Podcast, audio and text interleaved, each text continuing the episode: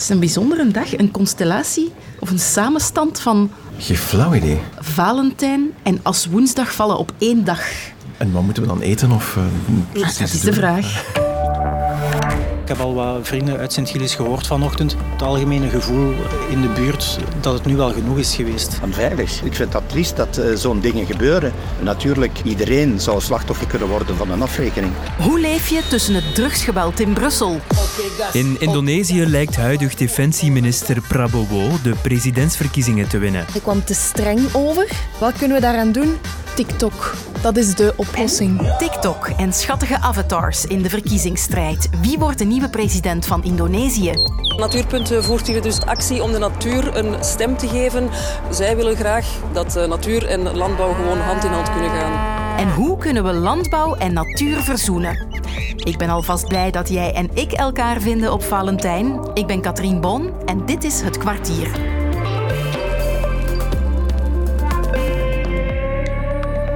Ga me even virtueel op sleeptouw laten nemen door de straten van de Brusselse gemeente Sint-Gilles. Je hebt er gewoond in de buurt, hè? Ja, ja.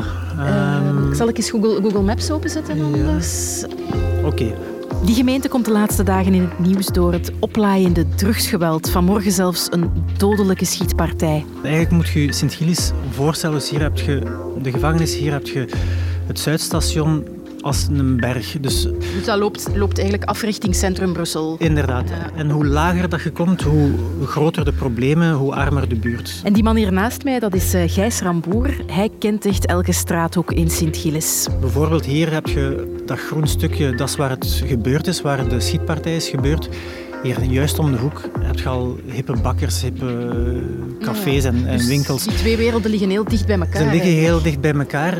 Het is ook wel, als je dat zo op de kaart ziet, midden tussen de mensen, hè, tussen de bewoning, dat dat geweld zich afspeelt. Net daarom is het zo chockerend. Ehm, dat is een plek waar ik heel vaak kom, waar ik naar de bakker ga, waar ik vrienden ga bezoeken, waar ik uitga. Dus dat is wel chockerend dat net om de hoek daar ehm, een schietpartij met een dode... eh, Dat lijkt niet op het Sint-Gilles dat ik ken.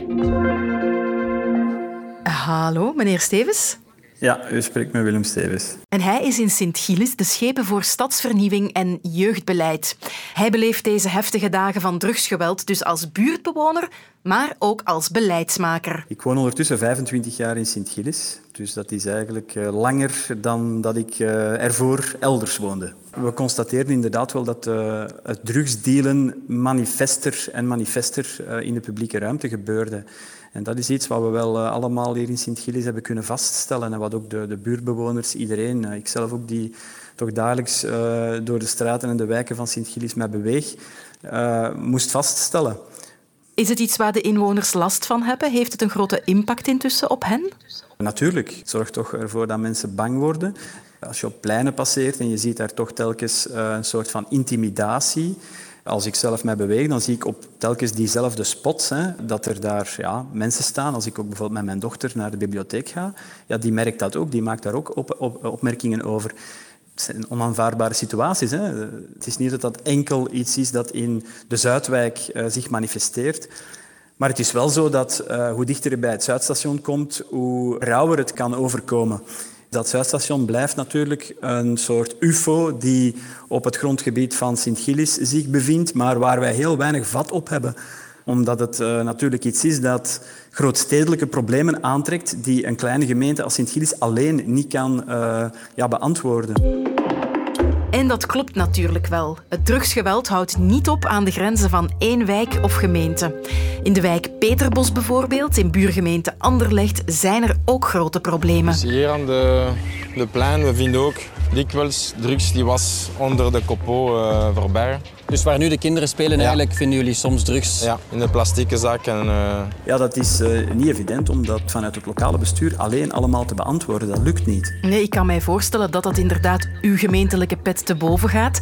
Lukt het goed om op dat gebied dan samen te werken met bijvoorbeeld het Brussels gewest, de federale overheid? Laat ons zeggen, voordat er die gecoördineerde actie kwam rond het Zuidstation, was dat eigenlijk heel moeizaam en moeilijk. Rond het Zuidstation heb je alleen gewestwegen. Dat betekent dat dus niet de gemeente en niet de gemeentelijke diensten die eh, de wegen moeten in orde houden bevoegd zijn, maar de gewestelijke instanties, Brussel Mobiliteit, Net Brussel. En ja, als die hun werk misschien niet naar behoren doen, ja, dan kunnen wij daar als gemeente ook geen antwoord op geven, want wij zijn niet bevoegd, maar wij worden daar natuurlijk wel door de bewoners op aangesproken. Dat is heel het probleem van Brussel, dat er te veel versnippering van bevoegdheden is. En dat is een structurele maatregel die nu eindelijk eens zou moeten aangepakt worden met een stadshervorming. Hoor ik nu frustratie of wordt u er soms wat moedeloos dat van? Is, dat, uh, moedeloos word ik er niet van, want er gaan, gaan te veel dingen ook goed. Hè. Maar het is natuurlijk zo dat een uh, kleine groep de zaak serieus kan ja, om zeep helpen. En dat is bij momenten heel frustrerend, ja. maar moedeloos word ik er zeker niet van. Ik laat Brussel nu achter mij en ik neem je mee naar de andere kant van de wereld, naar Indonesië. Daar hoor je vaak alleen maar van bij natuurrampen zoals een tsunami of een vulkaanuitbarsting. In Indonesië ondertussen zijn al zeker 22 doden gevallen na de uitbarsting van de Merapi. Of je ziet op Instagram foto's passeren van je vrienden die op droomreis zijn op Bali. Maar Indonesië, dat is veel meer dan een paar eilandjes bij elkaar. Het land telt zo'n 270 miljoen inwoners. Het is de grootste eilandenstaat ter wereld, met ook de grootste moslimbevolking die er is. Een heel belangrijk land in Azië dus. En er zijn op dit moment presidentsverkiezingen aan de gang. En één kandidaat lijkt daar voorlopig met de winst te gaan lopen. Bangsa Indonesia, kita berjuang karena cinta kita kepada rakyat Indonesia. Prabowo Subianto, de huidige defensieminister en ook wel een omstreden figuur. Ik had voor vandaag nog nooit van hem gehoord, maar deze man kan mij helpen. Mijn naam is Wart Berenschot. Ik ben politiek antropoloog, verbonden aan de Universiteit van Amsterdam en KITLV. En ik doe onderzoek naar politiek in Indonesië. Met een team van onderzoekers volg ik hier de verkiezingscampagne en heb ik de afgelopen 2,5 week door Indonesië getrokken om de campagne van een aantal kandidaten van dichtbij mee te maken. Subianto is voor hem dus helemaal geen onbekende. Prabowo Subianto is een oud-generaal en is iemand die al heel lang meegaat in de Indonesische politiek. Hij eh, was een generaal onder Suharto, dat is de, autoritaire leider die tot 98, 1998 aan de macht was in Indonesië. Hij heeft toen een aantal mensenrechten schendingen op zijn naam staan en werd daar ook voor oneervol ontslagen. Maar hij heeft de afgelopen 20 jaar een comeback gemaakt in de Indonesische politiek en onder andere een eigen partij opgericht. Een 72-jarige met een duister verleden, dat klinkt niet heel aantrekkelijk. Maar toch is hij erin geslaagd om zichzelf populair te maken bij de Indonesische bevolking. En dat deed hij op een opvallende manier. Ja, een van de belangrijke woorden van deze verkiezingscampagne is het woord gemooi geworden, wat zoiets als schattig betekent. En dat is onder andere te zien op al die verkiezingsposters die door het hele land hingen. Daar hingen namelijk niet foto's van Prabowo op, maar een soort met kunstmatige intelligentie vervormd gezicht, waar als een soort schattig tekenfilmfiguurtje zag hij er daarop uit. Met lieve, uh, zachte wangetjes. En dat was een onderdeel van een bredere campagne om Prabowo zo zacht en zo vriendelijk mogelijk over te brengen. Dus waren er dansjes op TikTok te zien. Hij heeft heel veel filmpjes en foto's gemaakt met poezen. En ook als er de, de presidentiële debatten waren, dan was hij Prabowo nou niet zozeer inhoudelijk, maar was hij vooral bezig met grappig en jolig over te komen. En dat heeft het bij vooral de jongere kiezers uh, heel goed gedaan. Die waren toch niet zo op de inhoud en wel heel erg op social media. En dat is denk ik gewoon een heel succesvolle campagne gebleken. Campagne voeren met TikToks, met avatars. Het klinkt leuk, maar er zit veel meer achter. Ik denk dat hij daarmee zijn zwakke punten een beetje mee heeft weten weg te poetsen. Dus dat is ten eerste dat, dat mensenrechtenverleden. En ook wel dat hij bekend stond als opvliegend, als snel boos en streng. Dit is de derde keer dat hij meedoet aan, aan verkiezingen. En hij heeft twee keer eerder van Jokowi verloren. En de reden was toch wel dat dat strengige juist aan hem kleeft. Dus ik denk dat hij dat heel slim een andere keuze daarvan heeft gemaakt. Al is die jolige campagne niet de enige reden voor zijn populariteit. Ik denk dat een factor is dat de jongere generatie ook niet precies weet hoe, hoe dat autoritaire bewind, de nieuwe orde zoals het genoemd wordt, hoe dat was. Maar ik denk dat ook een niet onderschatte factor is, is dat hij de steun van de huidige president heeft, Joko Widodo, ofwel Jokowi genaamd. Prabowo heeft een soort meesterzet gedaan een paar maanden geleden door de zoon van Jokowi aan te stellen als zijn vicepresidentskandidaat. En daarmee bracht hij over aan de kiezer Ik heb de steun van de huidige president, van Jokowi. En Jokowi is populair en zijn beleid is populair. En door dus die zoon, die heet Kibran, aan te stellen, wist hij kiezers te overtuigen dat hij het beleid van Jokowi zou gaan voortzetten. Op de officiële uitslag zullen we trouwens nog enkele weken moeten wachten, maar het ziet er dus naar uit dat die Subianto na drie pogingen president wordt van Indonesië. En ik ging het nog hebben over de strijd om het platteland. Met aan de ene kant de boeren en de intensieve landbouw. En aan de andere kant de natuurverenigingen met leden die alles zouden doen voor de biodiversiteit.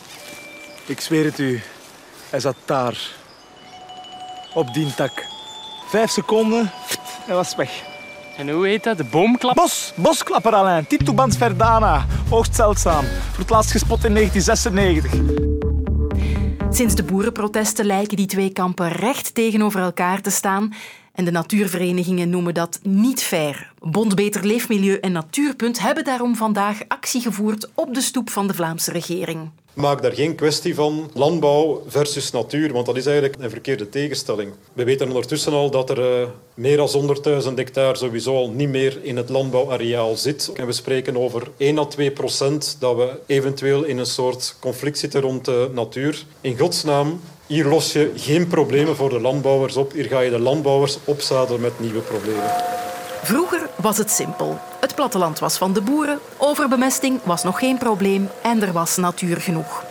Maar in de jaren 70 begon de landbouw in Vlaanderen enorm te groeien en kwam het platteland onder druk. Enter de milieu- en natuurverenigingen, die sinds die jaren 70 proberen om het weinige groen zoveel mogelijk te beschermen. Landbouw en natuur, kunnen we ze verzoenen? Ik kan terecht bij Olivier Honnet, conservatiebioloog aan de KU Leuven, met mijn vragenlijstje. Waar komt die spanning tussen landbouw en natuur vandaan? Ja, het is natuurlijk voor een stukje een, een, gevecht om de ruimte in Vlaanderen. De ruimte in Vlaanderen is uh, schaars. En ook onze ruimtelijke ordening is eigenlijk niet optimaal. We hebben versnipperde natuurgebieden, waar rond dan intensieve landbouw aanwezig is. En die intensieve landbouw, ja, daarmee bedoel ik uh, dat men veel uh, meststoffen, maar ook pesticiden gaat gebruiken. En die gaan natuurlijk een negatief effect hebben op de biodiversiteit in die natuurgebieden. Onze landbouw belast de natuur, dat is duidelijk. Maar we kunnen toch niet zonder die intensieve landbouw? Wel, ik denk dat dat voor een stuk klopt. We hebben hier de vruchtbaarste gronden ter wereld ongeveer. Ja, ik denk dat we voor een stukje die hoogproductieve landbouw nodig gaan hebben. Maar we gaan die hoogproductieve landbouw wel een heel stuk duurzamer moeten maken dan hij vandaag uh, is. Ik denk dat zelfs bij de landbouworganisaties stilaan het uh, idee aan het uh, rijpen is dat we die veestapel zullen moeten afbouwen. Maar dan nog zijn natuurgebieden niet genoeg beschermd. Moeten we het hele platteland dan gaan hertekenen? Momenteel heb je eigenlijk twee compartimenten in het Vlaamse landschap. Je hebt enerzijds die intensieve landbouw, waar eigenlijk nagenoeg geen biodiversiteit meer aanwezig is. En je hebt anderzijds onze natuurgebieden. Nu, het zou interessant zijn om tussen die twee compartimenten nog een derde compartiment te gaan uh, invoegen, waar men eigenlijk gaat voor een soort landbouw die heel biodiversiteitsvriendelijk is. Dus in dat derde compartiment gaan we dan echt die biodiversiteit herstellen die zo typisch was voor een landbouwlandschap hè, tot de jaren 60. En dat derde compartiment dat zou ook als een soort van buffer kunnen dienen. Momenteel bestaat dat tussencompartiment niet. En de reden dat dat niet bestaat is dat er voor die boeren eigenlijk geen manier is om voldoende te verdienen aan dat soort landbouw. Dus we gaan ervoor moeten zorgen dat we een verdienmodel vinden voor die landbouwers. We zouden die boeren kunnen betalen om aan biodiversiteitsherstel te doen. Betalen om bepaalde maatregelen te nemen, zoals het uh, in grote hoeveelheden aanplanten van hagen en heggen. Hagen en heggen, alvast goed om verstoppertje te spelen. Maar komt het uiteindelijk nog goed tussen boeren en natuurverenigingen? Landbouwers zijn niet tegen natuur. Hè. Zij zitten ook in een, in een systeem waar ze zoveel mogelijk moeten produceren op zo weinig mogelijk grond. En uiteraard vraagt dat ook landgebruiksplanning. We gaan echt iets moeten doen aan onze ruimtelijke ordening. Dat kan bijvoorbeeld ook door het uitruilen van gronden gebeuren. We moeten met z'n allen in Vlaanderen eens dringend gaan beslissen welk soort landbouw willen we wagen. En daarbij kan het eh, bijvoorbeeld interessant zijn om de vruchtbaarste gronden voor te behouden voor de meer intensieve en hoogproductieve landbouw, terwijl misschien de minder vruchtbare gronden, ja, dat men daar dan veel minder intensief gaat boeren om die biodiversiteit te gaan herstellen. Maar die strijd lijkt dus nog niet voorbij. Ik geef het vervolg van die hele landbouwsaga door aan Lode, want morgen is hij er met een nieuw kwartier. Ben je fan van podcasts zoals Waar is zuster Gabriel, Onder ons Politiek of Franks en Bilo? Kom dan op zaterdag 9 maart naar het live podcast-event van VRT Max in Lamotte in Mechelen en ontdek er deze en vele andere podcasts. Tickets en info op VRT Max.